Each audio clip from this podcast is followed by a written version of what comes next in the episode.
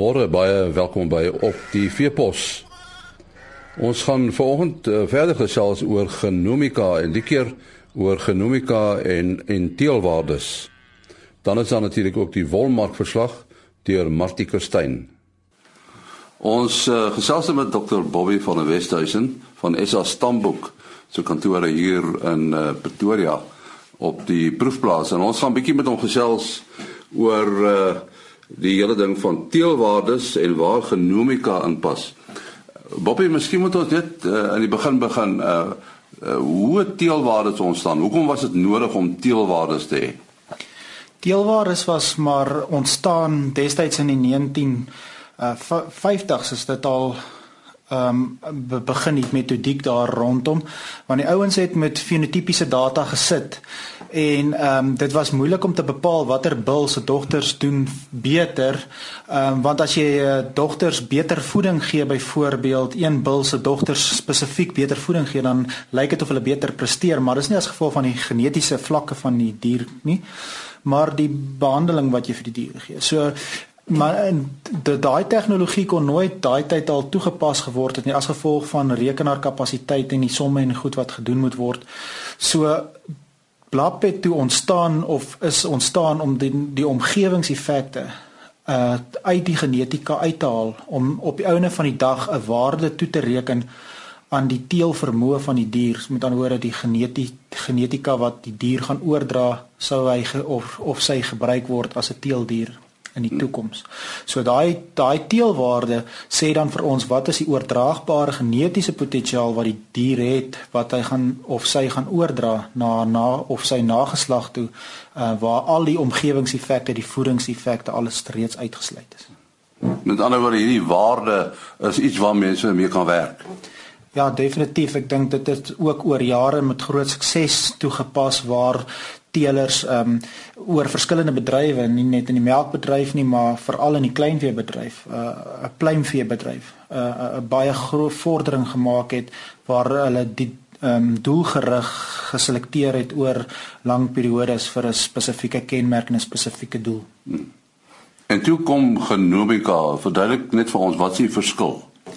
Genomika is bloot um, of genomiese seleksie. Genomika is 'n baie breë konsep. So enige iets wat jy op die genomiese vlak van die dier doen of navorsing uh, word kan ge, ge, ge weet geklassifiseer word as genomika. Maar genomiese seleksie waaraan ons be, belangstel is bloot waar ons die genoom van die dier vat en bestudeer en kyk watse gedeeltes van die genoom het 'n 'n 'n positiewe of 'n negatiewe bydra tot 'n sekere teelwaarde van die dier. Want onthou die teelwaarde is klaar waar die omgewingseffekte uitgehaal het. Dit is bloot die genetika. So wat ons dan gaan kyk is ons gaan kyk dan na bulle wat reeds baie hoë betroubare teelwaardes het. Beproefde bulle.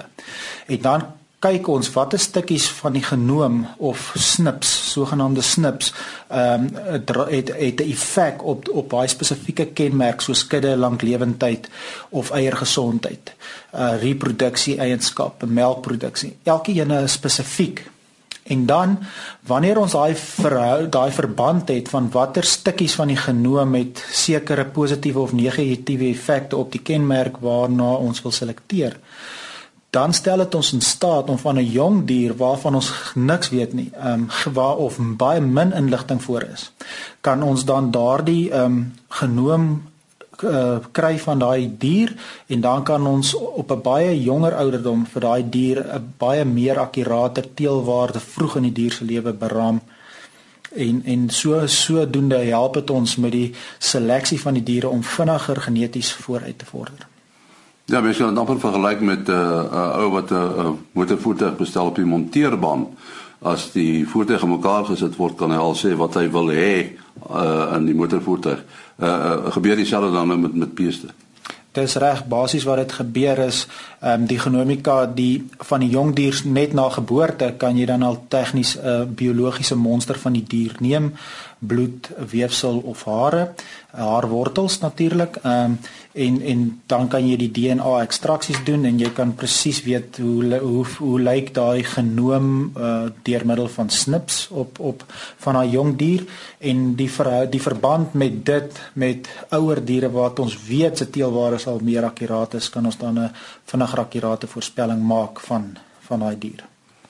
Nou beteken dit nou dat teelwaardes by die venster uitgaan as dan nou hierdie nuwe tegnologie is. Ehm um, nee, ek dink glad nie so nie. Ehm um, die die ding want ehm um, hoe dit werk is soos ek reeds verduidelik het, ons gebruik die genetiese teelwaardes. Met ander woorde die blap teelwaardes word as 'n as 'n as 'n onderliggende boublok gebruik van genomika. Genomika bevorder net die akkuraatheid van die teelwaarde ongelooflik baie. So jy gaan niks, die teelers gaan nie 'n ander produk kry nie. Hulle gaan net 'n beter betroubare blap teelwaarde kry wat die genomiese inligting insluit wat die akkuraatheid van die teelwaarde net soveel meer verhoog vroeër in 'n dier se lewe. Sodra daai dier ehm um, byvoorbeeld 'n bil 'n klomp dogters het wat alreeds getoets is en prestasie melkantekeninge deelgeneem het waarvan ons dan weet wat is die prestasie dan begin ook die genomikas, die genoominligting binne die teelwaar al hoe minder en minder tel. So om om om dan op 'n ou dier 'n genoomtoets te doen, kan ek maar sê is nie van veel waarde nie. Dit gaan juist oor diere wat ons min inligting van het soos jong diere. En en hierdie toetse, waar word dit gedoen? Wie doen dit?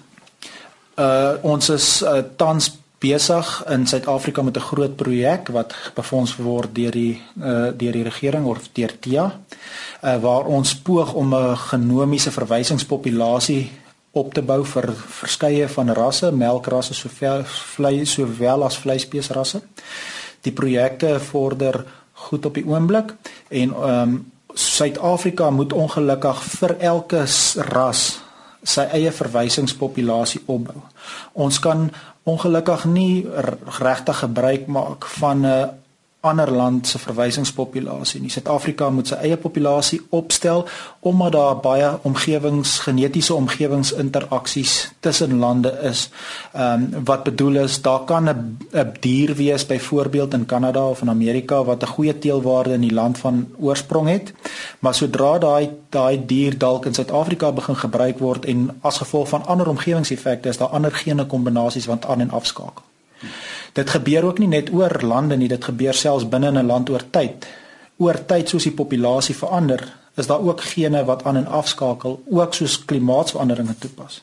So daarom hierdie verwysingspopulasies is ook baie dinamies. Hy word weet oor en oor word hy weer saamgestel om te kyk so of daar nie ander eh, gene kombinasies of snip effek uh, effekte is wat 'n rol speel wat nie 'n rol sou gespeel het nie.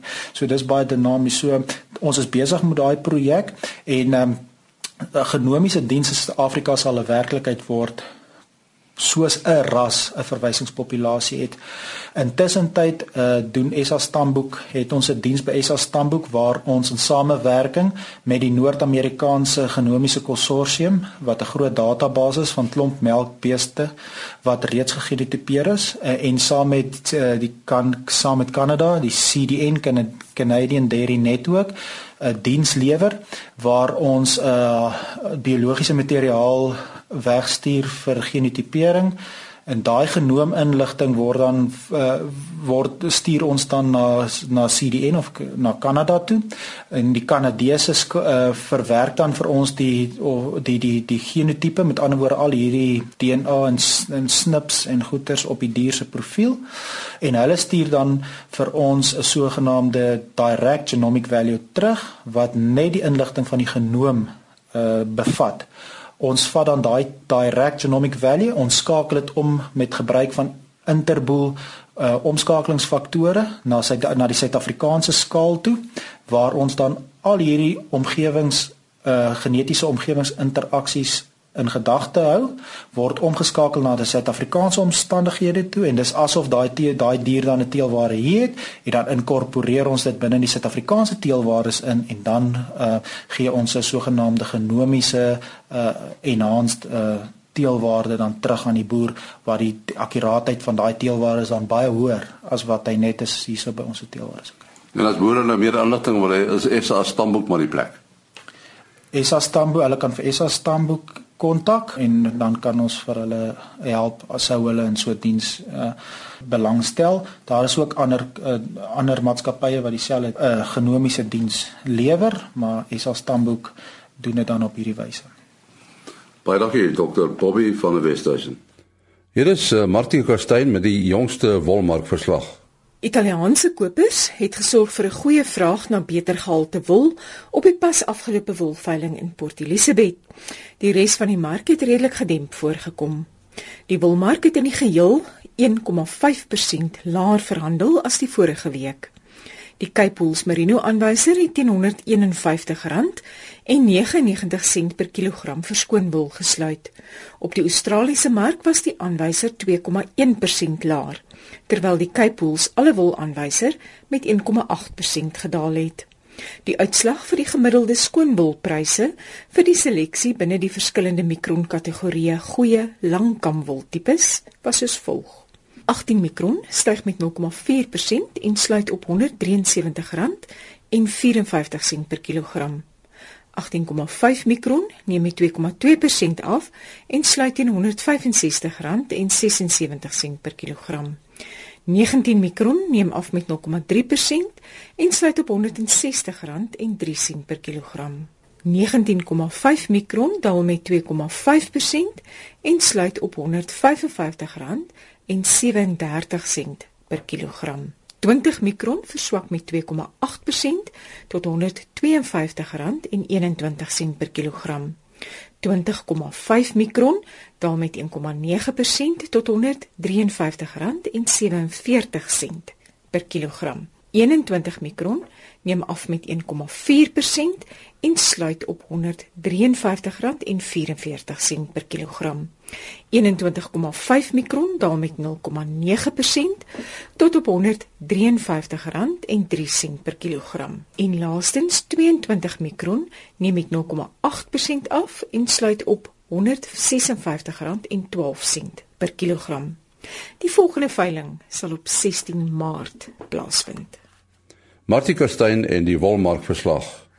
Ons is môreoggend om 4 voor 5 weer terug. Tot dan, mooi loop. Ah.